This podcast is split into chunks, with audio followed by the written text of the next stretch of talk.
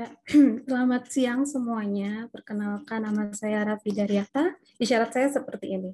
Ya, uh, ya seperti ini. Di sini saya akan coba sharing mengenai uh, pengalaman saya selama ini dan pengetahuan yang saya dapatkan di pendidikan saya. Jadi uh, pengalaman yang saya dapatkan ini adalah pengalaman sejak saya dari di menjadi volunteer di PSLD di tahun 2012.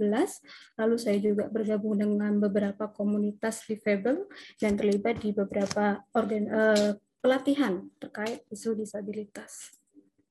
Ya, saya share screen dulu ya. Tadi terkait permasalahan mengenai uh, penyandang disabilitas sudah banyak dibahas oleh Bu Liva. Jadi memang intinya adalah mengakses layanan psikologi itu tidak hanya saat kita merasa sedih, cemas, atau memilih merasa uh, ada trauma gitu ya. Biasanya orang datang itu saya merasa depresi gitu atau memiliki permasalahan klinis. Tidak. Bahwa mengakses layanan psikologi itu bisa dalam isu apa pun gitu Misalnya dalam anak-anak untuk mengetahui tentang tumbuh kembang anak, lalu bagaimana dia dengan orang lain gitu kan ya, lalu bagaimana keluarganya dalam mengasuh. Kemudian uh, di anak usia 6 sampai 7 tahun di mana dia dianggap uh, sudah uh, dia di secara usia sudah siap untuk masuk sekolah dasar, bagaimana nih dalam memilih sekolah, lalu misalnya IQ-nya banyak orang tua yang mengatakan IQ anak saya berapa ya? Gitu. Mau tahu tentang hal itu. Lalu bagaimana dia mengenal dirinya sendiri bagaimana dia berteman seperti itu. Nah di remaja isu umum yang akan uh, biasanya dimiliki adalah seputar pemilihan jurusan dan cita-cita yang ingin diraih gitu biasanya mereka akan meminta uh, ingin mengetahui bakat saya apa ya, minat saya apa. Nanti kalau sudah masuk kuliah saya cocoknya di jurusan apa gitu. Tidak hanya itu, juga ada isu pubertas, lalu bagaimana dengan teman-teman, lalu sudah mulai mengenal konsep hubungan dengan lawan jenis, romantis seperti itu. Lalu saat dewasa itu juga akan mengenal kairnya. Bagaimana ketika dia sudah lulus kuliah gitu, misalnya jurusan komunikasi. Lalu saya mau masuk kerja yang di mana ya, yang cocok dengan saya? Bagaimana misalnya saya uh, ditempatkan di posisi ini, apa yang harus saya lakukan gitu. Selain itu, ketika sudah di dewasa, tentu ada konsep ada keinginan untuk menjalin uh, pernikahan, lalu membentuk keluarga, bagaimana misalnya menjalin rela, menjalin hubungan antara keluarga saya dengan keluarga pasangan saya seperti itu. Jadi ditekankan bahwa mendatangi seorang psikolog gitu ya, meminta pendampingan dari psikolog itu bukan berarti kita uh, ada oh ini ya stres ya, trauma ya tidak. Jadi ada isu-isu umum yang biasanya kita hadapi. Lalu di sini adalah bagaimana apa yang dilakukan oleh praktisi saat mendampingi klien dengan isu tersebut. Ini sebenarnya sudah banyak dibahas oleh Bu Ulifa, bahwa intinya adalah kita akan mencoba untuk menggali informasi mengenai kondisi dan permasalahan dari klien kita, lalu kita akan merancang rekomendasi atau intervensi yang sesuai dengan permasalahan dan kebutuhan klien. Nah, sekarang kita relatekan dengan kehidupan penyandang disabilitas. Apakah penyandang disabilitas juga menghadapi hal yang sama seperti tadi? Tentu juga menghadapi. Penyandang disabilitas juga uh, mau masuk SD, mau masuk SMP, mau juga masuk kuliah gitu tentu juga ada keinginan menjalin hubungan uh, pernikahan, lalu juga ingin menjalin relasi dengan teman-temannya, lalu ingin bekerja gitu ya. Jadi isu-isu tersebut juga dialami oleh penyandang disabilitas. Nah, Lalu bagaimana yang perlu diketahui oleh praktisi psikologi? Secara teknis tadi sudah banyak dijelaskan oleh Bu Liva mengenai bagaimana cara kita memberikan pelayanan inklusi bagi klien penyandang disabilitas ataupun pihaknya, pihak terkait seperti keluarganya, sekolahnya mungkin gitu ya. Tapi ada satu poin yang mendasar yang tadi juga ditekankan adalah kita memahami kebutuhan mereka. Nah, pertanyaannya, bagaimana cara kita untuk mengetahui kebutuhan dari teman-teman difabel? Yang paling penting adalah disability awareness gitu ya. Disability awareness itu adalah kita bisa memahami tentang apa sih sebenarnya difabel, siapa itu difabel, bagaimana perbedaan antara penyandang autis dan penyandang uh, intelektual gitu. Jadi sebelum kita mengetahui uh, bagaimana cara mengajar, uh, bagaimana membuat sekolah, membuat sistem sekolah inklusif yang baik, kita perlu tahu dulu siapa itu difabel, apa kebutuhannya, lalu bagaimana karakteristiknya, seperti itu. Disability awareness ini bisa didapatkan melalui pelatihan-pelatihan dari organisasi, komunitas, maupun pemerintah. Ketika saya dulu pertama kali masuk di PSLD, pertama kali materinya adalah disability awareness. Dijelaskan dulu siapa itu difabel. Jadi sebelum kita beranjak atau memahami cara mendampingi difabel, kita tahu dulu difabel itu seperti apa. Lalu uh, ketika saya bergabung di organisasi tuli maupun di pelatihan-pelatihan terkait difabel atau bahkan di pelatihan yang diadakan pemerintah mengenai sistem pendidikan inklusi, hal pertama yang ditekankan adalah tentang disability awareness, tentang apa sih sebenarnya uh, difabel itu, bagaimana kehidupannya. Gitu ya. ya yang bisa kalau misalnya kita belum mengikuti pelatihan atau kita sudah ingin mengikuti pelatihan, tapi gimana nih cara memperdalam tentang disability awareness-nya? Kita bisa mendapatkannya dari berbagai literatur dan penelitian. Eh, dan yang saya tekankan di sini adalah coba kita menggali dari literatur dan penelitian yang berkaitan dengan isu kehidupan sehari-hari penyandang difabel. Dan itu karena itu akan membuat kita lebih tahu bagaimana sih sebenarnya penerapan atau aplikatifnya gitu. Kalau misalnya kita membaca, saya ambil contoh adalah uh, teknik uh, teknik intervensi komunikasi tuli. Yang akan muncul biasanya adalah bagaimana metode-metode mengajarkan ataupun terapi bicara dari tuli gitu. Tapi kalau kita melihat dari penelitian mengenai sebenarnya uh, yang bertujuan untuk melihat pandangan tuli terhadap komunikasinya, kita akan jadi mengetahui bahwa oh uh, ini loh alasan Tuli lebih memilih bahasa isyarat. Oh ini uh, Tuli mungkin ada yang merasa lebih nyaman dengan komunikasi verbal gitu. Jadi ketika kita ingin mengetahui secara pasti mengenai fakta yang ada di lapangan, akan lebih baik ketika kita membaca literatur ataupun penelitian yang mengangkat isu kehidupan sehari-hari mereka. Nah, berdasarkan pengalaman saya dalam mencari literatur, uh, saat ini saya melihat masih masih minim gitu ya penelitian maupun literatur yang berkaitan dengan isu difabel. Jadi harapannya adalah ketika nanti praktisi psikologi ataupun orang-orang yang berkaitan dengan research bisa mempublikasikan penelitian ataupun eh, aktivitas dia sehari-hari yang terkait dengan penyandang disabilitas. Karena dengan adanya literatur ini, orang yang sebelumnya belum memahami tentang disabilitas, dia bisa akan eh, mendapatkan pengetahuan dari literaturnya. Berikutnya ini yang menurut saya paling berkesan gitu adalah dengan sharing dengan organisasi, komunitas ataupun individu difabel itu sendiri. Karena dengan kita sharing, kita berdiskusi, kita bisa memahami kehidupan sehari-hari penyandang disabilitas. Kita tahu pandangan mereka terhadap isu isu yang beredar dan yang paling penting adalah perasaan mereka saat uh, terkait dengan isu yang beredar. Misalnya adalah uh, tentang uh, ada waktu itu kebijakan pemerintah ya pertama kali kebijakan pemerintah membuat kebijakan adanya eh, satu persen karyawan dari organisasi itu adalah karyawan disabilitas. Nah, ternyata dari sharing-sharing itu saya tidak hanya uh, mengetahui, hanya mengetahui gitu ya, hanya mengetahui tentang oh ini baik gitu. Tetapi bagaimana aplikasi di lapangan, apa hambatan-hambatan yang terjadi yang dihadapi oleh penyandang disabilitas, ini yang menjadi hal yang saya dapatkan ketika saya sharing. Dan harapannya sebagai kita seorang praktisi psikologi ataupun kita seorang guru atau seorang dosen, kita bisa mengaitkannya dengan pemahaman dasar kita secara teori yang nantinya akan bisa memberikan rekomendasi rekomendasi atau solusi atau intervensi yang sesuai dengan kebutuhan dari penyandang disabilitas. Ya. Jadi memang berbagai literatur dan sharing itu disimpulkan bahwa kenapa sih kita harus menggali tentang disability awareness. Jadi dengan kita mengetahui tentang isu disabilitas, kita bisa mengenalnya lebih detail dan tepat. Dan dari berbagai literatur yang saya baca selama pendidikan, dan sharing dengan teman-teman bahwa ternyata ketika kita memahami tentang siapa itu disable, bagaimana karakteristiknya, bagaimana kehidupannya, ini akan berdampak positif bagi kita pada sikap kita terhadap penyandang disabilitas. Jadi ketika kita misalnya ingin memberikan layanan gitu ya, atau kita misalnya berteman aja dengan seorang seseorang gitu, kita tentu ada persepsi, kemudian ada ya uh, pemahaman kita, pengalaman kita yang akhirnya mempengaruhi sikap kita kepada teman kita.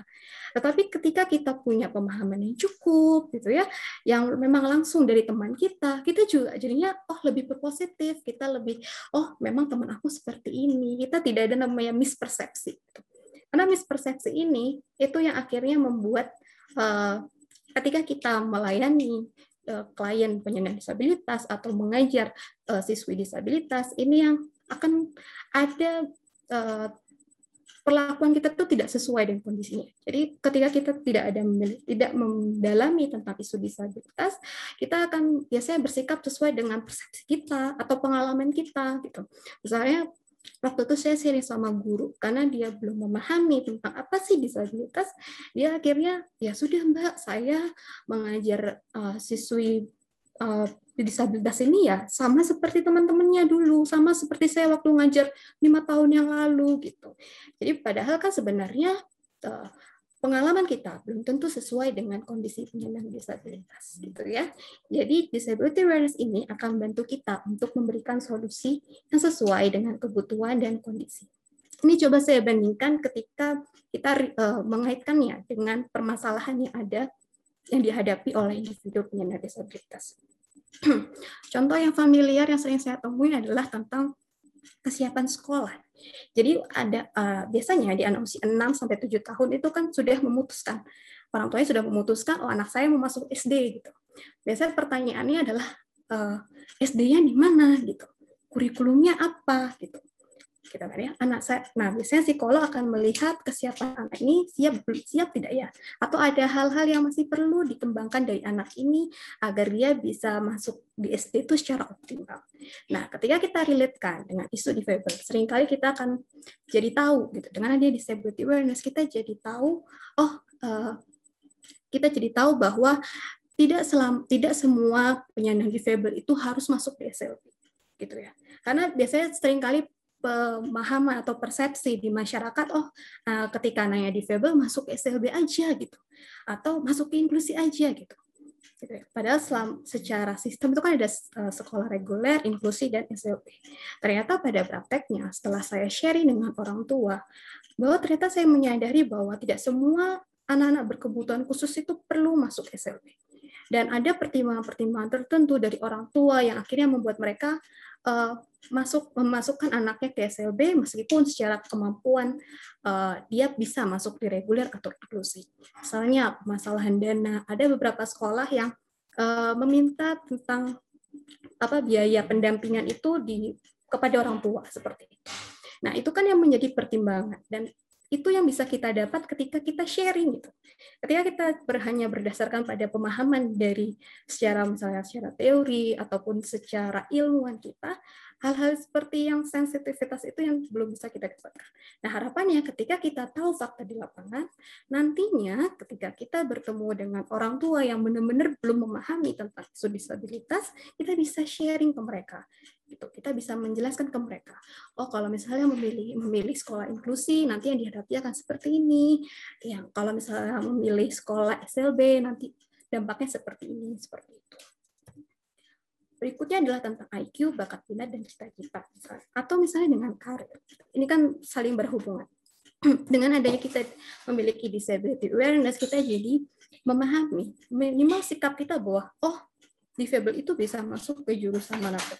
Jadi ketika kita merekomendasikan jurusan dari klien kita, kita juga bisa mempertimbangkan bahwa oh dia bisa masuk ke jurusan mana pun dalam kondisi dia difabel. Tetapi tentu kita memberikan uh, pengarahan. Oh nanti kalau kamu masuk jurusan ini, uh, kira-kira aksesibilitas yang ketik kira-kira hambatan kamu atau akses yang perlu kamu uh, punya itu adalah seperti ini, seperti ini, seperti ini, seperti itu. Nah, uh, contohnya juga ini tidak hanya sekedar di klien di saja. Saya pernah bertemu dengan beberapa pengusaha yang terlepas dari saran pemerintah yang mewajib uh, yang mewajibkan satu persen karyawan adalah difabel, dari dari dirinya pengusaha tersebut sebenarnya ingin menerima uh, menerima karyawan difabel. Tapi dia belum tahu gitu. Saya harus menemui di mana gitu kan ya di posisi apa yang bisa diisi oleh difabel lalu dengan tempat kerja yang saya punya ini saya perlu menambahkan apa sebagai akses bagi difabel gitu. nah ketika misalnya kita berdasarkan pada buku mungkin atau teori atau yang kita dapatkan pengetahuan kita mungkin kurang detail. Tapi ketika ternyata saya sharing dengan teman-teman, ini membantu saya untuk menjelaskan kepada pengusaha tersebut. Dan saya juga akhirnya mengobservasi lingkungan kerjanya. Oh, uh, sebenarnya lingkungan kerja beberapa pengusaha itu sebenarnya cocok gitu. Uh, uh, hanya sedikit yang perlu ditambah. Lalu misalnya saya coba mengaitkan dengan job desk yang ada di perusahaan tersebut. Artinya kayak di posisi ini bisa di, uh, dikerjakan oleh tuli dan sebagainya. Seperti itu. Nah, selain itu, selain mengenai disability awareness yang kita miliki, kita juga perlu mempertimbangkan uh, tentang tools, alat tes yang kita miliki, dan layanan inklusi. Layanan inklusi ini sebenarnya tadi sudah dijelaskan banyak dan detail oleh Bu Uliva, tapi yang perlu saya tekankan selama, uh, sepanjang pengalaman saya adalah mengenai ketika kita bertemu dengan klien tuli. Di situ uh, saya sangat terbantu dengan kemampuan bahasa isyarat saya sehingga saya uh, memahami gitu ya apa sebenarnya permasalahan yang dihadapi oleh tuli tersebut. Tetapi uh, setelah saya sharing dengan teman-teman saya bahwa mereka juga sepertinya belum memahami bahasa isyarat, uh, pernah belajar tapi masih belum cukup nih untuk konseling gitu kepada tuli gitu masih oh ah, waktu itu saya oh video saya masih abjad aja gitu. Kalau abjad aja saya konseling ke orang nanti lama gitu kan karena harus mengeja satu persatu. Uh, pada waktu itu akhirnya kita menyimpulkan bahwa mungkin ada kehadiran JB itu membantu. Tapi saran saya adalah yang uh, pertama adalah memastikan bahwa JBI yang hadir di situ itu diketahui oleh klien kita dan klien kita yakin dan percaya gitu ya. Karena kan dalam konseling itu uh, klien tuh dia tentu percaya bahwa psikolog itu bisa membantunya, bisa menjaga kerahasiaan permasalahannya gitu. Nah, ketika ada hadirnya orang lain seperti JBI perlu ditekankan bahwa klien tuh percaya bahwa dan ya, percaya dan nyaman bahwa JBI ini nanti tahu tentang permasalahannya gitu ya. Lalu uh, saran tips dari saya ketika menemui berkonseling dengan klien tuli dengan adanya JPI tetap fokus pada ekspresi uh, tuli saat berbahasa isyarat. Karena selama ini sejauh ini dalam berkomunikasi atau berbahasa isyarat, ekspresi itu sangat menentukan. Eh, ekspresi itu sangat menggambarkan emosi dari seorang tuli dan ada ekspresi itu terkadang misalnya uh, mungkin teman-teman yang sudah belajar bahasa isyarat tahu itu kalau misalnya jauh dengan sangat jauh isyaratnya hampir sama tapi ekspresinya akan berbeda. Jadi ketika kita melakukan konseling dengan tuli dengan adanya pendampingan JPI akan lebih baik ketika kita terfokus di ekspresi tuli tersebut sehingga kita benar-benar memahami eh, emosi yang dirasakan oleh tuli tersebut. Nah, berikutnya adalah alat tes yang sesuai dengan tujuan dan kondisi klien. Uh, seperti yang kita tahu bahwa ketika kita uh, memberikan pelayanan psikologi kita uh, ada beberapa permasalahan yang membutuhkan alat tes. Minimal ketika kita ingin tahu IQ, itu kan membutuhkan bantuan dari alat tes. Memang ada beberapa alat tes yang uh, memang dari awal itu ditujukan untuk penyandang disabilitas. Misalnya adalah uh, alat tes PB. PB itu kan memang untuk tunanetra. Nah, itu ketika kita menggunakannya, kita bisa tanya nih ke kepada klien penyandang tunanetra contohnya, apakah memang PB yang kita punya itu aksesibel dia. Karena waktu itu saya ada pengalaman, saya sudah cukup pede gitu dengan PB yang saya bawa. Gitu.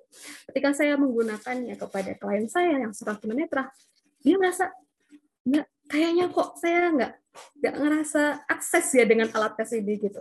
Karena ternyata ada beberapa hal di alat tes itu yang ya secara teknis tuh kurang optimal gitu. Jadi akhirnya dia tidak merasa akses dengan alat tes gitu.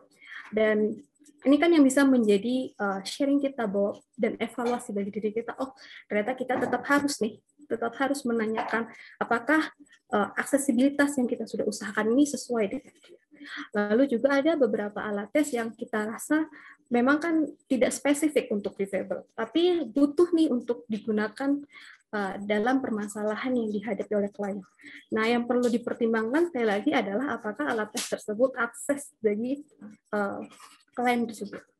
Ketika kita misalnya di tes informal verbal gitu, eh, tes verbal, sorry. tes verbal, waktu itu saya menggunakannya ke klien dengan kesulitan belajar.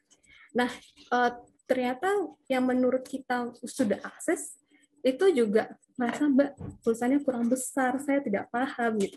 Jadi ini bisa menjadi masukan bagi kita bahwa ketika kita memang ya sekali saya tekankan bahwa ketika kita ingin memberikan layanan walaupun kita sudah merasa bahwa itu sudah cukup accessible tetap kembali kita coba menanyakan kepada mereka apakah itu sudah sesuai uh, uh, dengan kebutuhan mereka. Seperti itu ya uh, ya itu saja sharing dari saya Terima kasih dan semoga bermanfaat informasi yang saya berikan. Terima kasih. Saya kembalikan ke Bu Ars.